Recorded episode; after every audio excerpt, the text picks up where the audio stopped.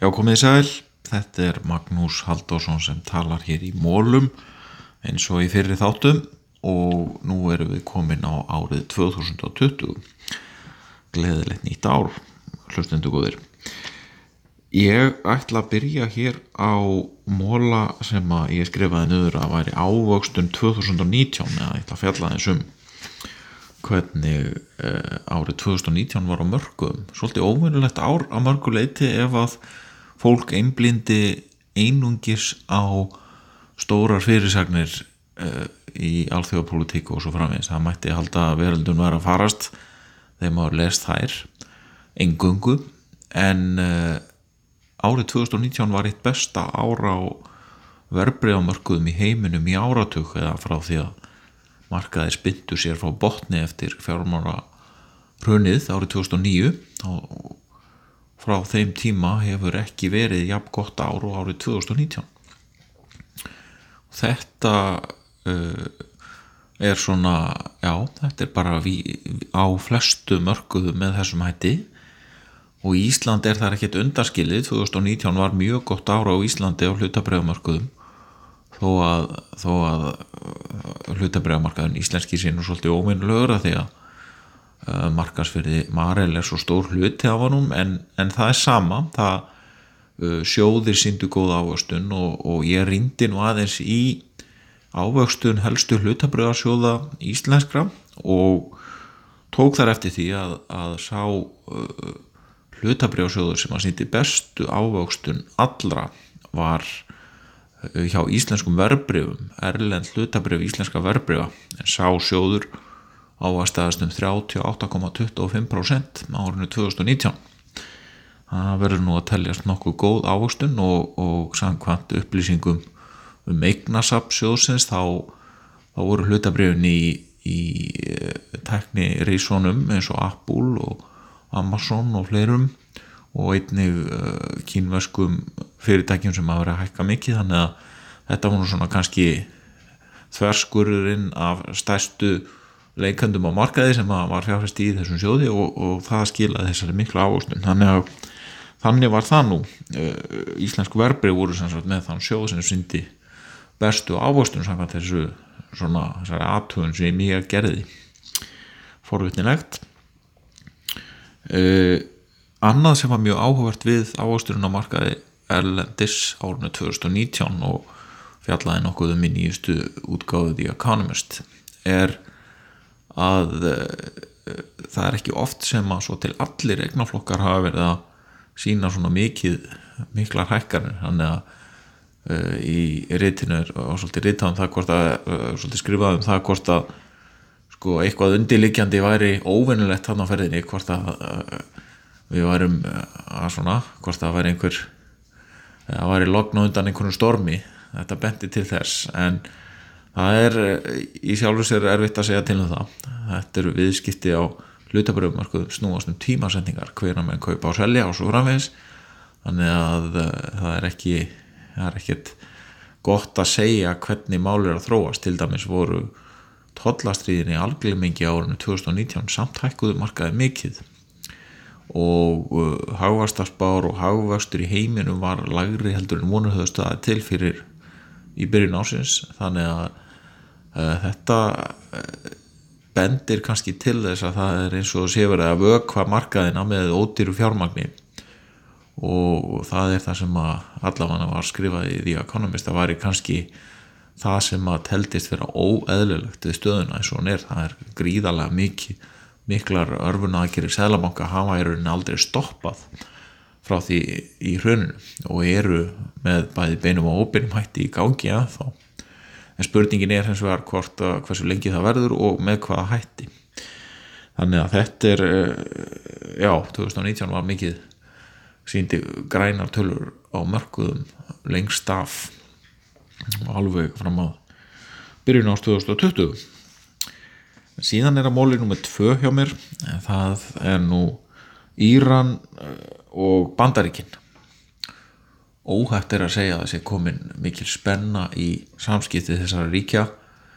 og voru, var nú eh, mikil spenna fyrir en, en uh, uh, þegar að bandarækjafórseti fyrirskipaði uh, drápið á aðmirál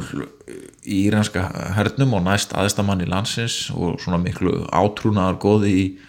í varnapolítikin í Íran og í miðjausturlöndum öllum. Og þegar hann var ráðinn á dögum og þá var eldur var eins og, var eins og komin óli á eld og uh, nýjustu tíðindi sem að er svona fjallaðum í fjölmjölum hér í bandarækjörnum, það eru þetta búið að fylgja málunum eftir alveg í öllum helstu fjölmjölum og, og staða málsins er núna er svona að maður það verið sem að það séu líkur til þess að geti brotist út stríð á milli bandarækjum og Íran, það er ekki hægt að útiloka það. En það má ekki gleyma því samt að sko en það, það, það eru stríðsátök í gangi svo í nágrannaríkjónu við Íran. Og Sáti Arabíja hefur verið með hernað í Jemen sem, sem er hróðalegar aðstæður til dæmis bandarikinn hafa stutt það og breytar reyndar einnig. Og Íran hefur verið á hinnum endanum. Þannig að það hafa verið í gangi átök og eru í gangi átök á þessum svæðum fyrir. Þannig að þetta er spurningur um stigmögnun sem þessi atbyrður getur haft fyrir þessi átök eða fyrir þessi hérna uh, já svona fyrir þessi samskipta millir þessar ríkja. Uh, annað sem er auðvitað fróðlegt er það að, að uh, það er í gangi þetta impeachment ferðleika hvort bandar ekki fórst á og það er svona spurning hvort að þessi fyrirskipum fórstnars muni kast einhverju ríki í auguð þeirra sem er að reyna að keira það áfram, það gengur þetta mjög hægt. Demokrata tóku miklar áhættu með því að setja ferðlega á stað, það var vitað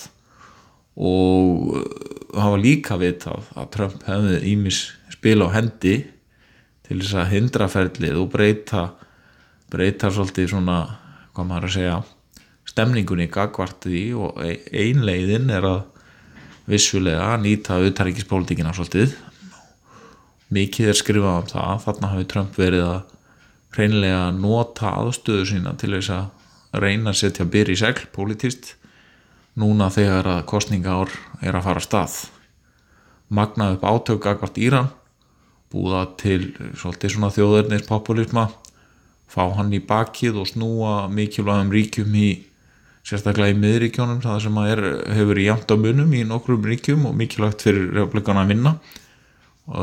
Stríð getur skipt þar máli samkvæmt svona því sem er til dæmi skrifað á 538 þannig að það er það er spurning hva, hva, hvað er þannig undir af hverju er verið að taka þessa ákvörðun? Af hverju tók bandar ekki fórst í þessi ákvörðun? Þvert á, á til dæmis ráðlíkingar uh, varnar, sérfræðinga og, og fleiri sem hvað skrifum fjölmila nú síðast þá alltaf fulltrúi, var greint á því að fulltrúi Írans ætlaði sér að ávarpa saminu þjóðinni í New York en uh, Trump vil láta stöðva hann bara á landamærum og ekki veit hún vegabriðsáriðum þannig að það er líka áhugavert hvernig saminuðu þjóðnum munu bregðast við því. Ég hef sjálfur trú á því að, að framöndan geti verið áhugavert ár núna kostninga ár ef, ef við honum bara kostningarnar og vonum bara að það verið friður þessum átökum þessum hérna þessi, eh, þessi spennamunni enda með já, minnstakosti minni spennu og vonandi kemst nú á fríður en því miður er nú líka til þess að það gerist auðvitað ekki en sjálfum fyrst mér þetta kostninga á sem nú er framöndan vera áhugavert vegna þess að Trump virðist vera tilbúin að ganga mjög, mjög langt. Og það finnst manni já, það finnst manni vera svolítið umhugsunar efni hversu langt hann virðist vera tilbúin að ganga til þess að rétta í einhag en uh, sjáum hvað setur. Þetta verður forveitinleitt á þessu ári fyrir kostingarnir í nógumber mólinu með þrjú er þessu nátengdur svo ekki sé nú meira sagt. Ég skrifa hérna í, í minnsbókina á mér ólíjan í miða Östurlundum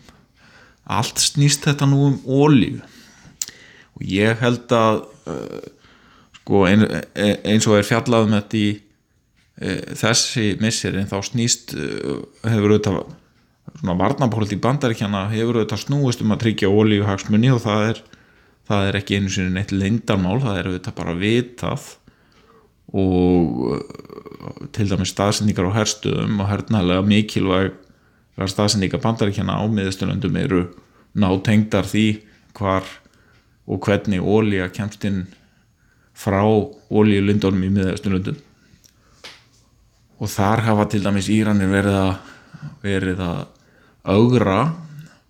til dæmis uh, skiparleiðum og fleirum verið að ógna, ógna þar. Þannig að það er spurning hvaða áhrif geta þessi átök og þessi spenna bandarækjan á Írans haft á ólíumarkaði margir velta því fyrir sér hvort að þetta geti leitt til einhverja hindrana fyrir ólíuna til þess að komast á markað. Og þá mun ólíja líklega hækka dregur úr, úr frambóði og meðan eftirspunnin er stöðu þannig að þá hækkar verðið. En spurningin hvaða áhrif það hefur til lengri tíma og síðan eru það auðvitað nýlegar árásir á ólíulindir Sáti-Áraba sem eru 10% af ólíulindum heimsins sem var mjög áhugavert að fylgjast með því því að þá hækkaði ólíja um 15% í einu stökki á einum degi bara við eina dróna árás og maður veldi fyrir sig að það brjótast út átök verða þessar árásir starri og meiri það er, það er þetta sem eru auðvitað ógneikjandi við átök á þessu svæði að þetta getur hatt svo gríðarlegar efnanslegar afleðingar fyrir umheimin og Ísland er alveg þar á meðal. Við erum ekki sérstaklega ána með það að olíu verður ríkur upp út í heimi og, og skilar sér síðan í hæl þar að verlaði á Íslandi. Þannig að þetta með einu með öðrum hætti snertin og umheimin og, og Ísland og ekki hægt annað en vona það besta fjórðimólin er nú frekar saklýsislegur meðan við þessa tvo undan. Og ég skrifaði hérna hjá mér fastegnir en það eru uh, mér fannst forvittnilegt að lesa núna í, í vikunni umfjöldunum fastegnamarkaðin hér á síaldsvæðinu. Uh, mjög fáir fastegnamarkaðir í veröldinni hafa verið heitari eða semst hafa verið meiri hækkanir sem hort til síðasta áratöks og það hefur verið nátengt alveg ótrúlegum vexti á þessu svæði hér, engum tækni fyrirtækja það sem að vöxturinn hjá Amazon hefur auðvitað verið það sem er mest talaðum en það eru líka mörg minni fyrirtæki sem hafa notið góðs af uh, nálaðinu við Microsoft og, og Amazon, gríðalögu vöxtur þessar fyrirtækja hefur áframhaldandi áhrif á fasteigamarkaða uh, eitt fylg, fylgifiskur þess er þetta þristingur á markaðin og það er erfitt að fá húsnaði og þetta býr til stóra hópa af fólki sem er heimilislöst og þetta er mjög stort vandamál á síallsvæðinu og ekki augljós hvernig þetta verður leist þetta er mjög viðkvæmt politíst mikið hitamál uh, bæði fulltrúar í reyðblöggana og demokrata hérna í lokalpolitíkinni eru ekki með skýra lausnir aðrar en að byggja meira húsnæði en það hefur sínt sig að inganga þeirra sem eru heimilislausir inn, inn á markaðin er, er líka vandamál. Þó að séu jafnvel íbúðir þá er erfitt að, að, að búa til eins konar brú frá þessu fólki og svo eru þetta neyðin líka. En þetta er þetta er orðið af mjög stóru vandamáli í Seattle alveg eins og í San Francisco Portland og fleiri borgum á vesturundinni, það er heimilsleysi fyrir mjög vaksandi og er verulega mikið umhengsunar efni hvernig á að leysa og hvernig á að tekla þannig að þetta er nú þó að fastinga verð hækki þá er það ekki þá er ekki allir sem njóta góðs að því þessu svæði hér. Síðast í mólin er, er eitthvað sem ég nefndi hér Breitland en ég hef nú fjallar svolítið um Brexit og, og, og svona í síðustu, síðustu þáttum óhjákvæmilega enda, enda stóru viðbörður og nú er það framöndan 31. janúar ef að vilji Boris Jónsson er fram að ganga en við skulum nú sjá hvernig það þróast það ekki, hefur ekki verið á vísan að róa að spá fyrir um hvernig Brexit mun hvaða, hvaða leið það kemur upp þar svona hver, hvernig næsti leikur í, í, í Brexit spilinu en það sem er forvitnilegt er, er og ég myndist á hérna þess aðan er sko auðtarengis pólitísk staða breitlandska hvort þessari, þessari spennu í miðaustulöndum og hvernig til dæmis brettar á stutt uh, Sáti Araba í, í stríðinu í Jemen setur þá svolítið inn á skotskífuna vegna uh, vaksandi ógnar frá Íran. Og mér finnst vera verulega mikið umhengsunarefni hvernig hvernig uh, brettar ætla sér að nálgast vaksandi spennu bandaríkjana og Írans. Það voru frólægt að fylgjast með því hvort að brettar stilli sínu upp með bandaríkjónum ef að spenna vex, enn meira og breytist í stríð. Munum hvernig það var þegar Írakstriði braust út þá það var nákvæmlega þannig sem það spilaðist. Brettar fylgdu bandaríkjamanum sumir segi blindni og og hörmungarna sem fylgdu í kjölfarið og ekki skapaðist nú mikill stöðuleikja á svæðinu við þetta stríð eða hennar stríðsregstur yfir leitt sem hefur verið núna undanfarin já, 20 ára eða svo næstu því. Þannig að það verður svolítið forðilegt að sjá hvað gera breytarið þessari stöðu. Eh, ég mun eflaust fjalla meira um þessa spennu millibandarækjana og Írans í næsta þetta en ég læt þetta gott heita núna. Takk fyrir. Takk fyrir að hlusta á hlaðavarp kjarnans. Þú getur sótt fleiri þætti um allt millir heimins og jarðar á vefnum kjarnin.is.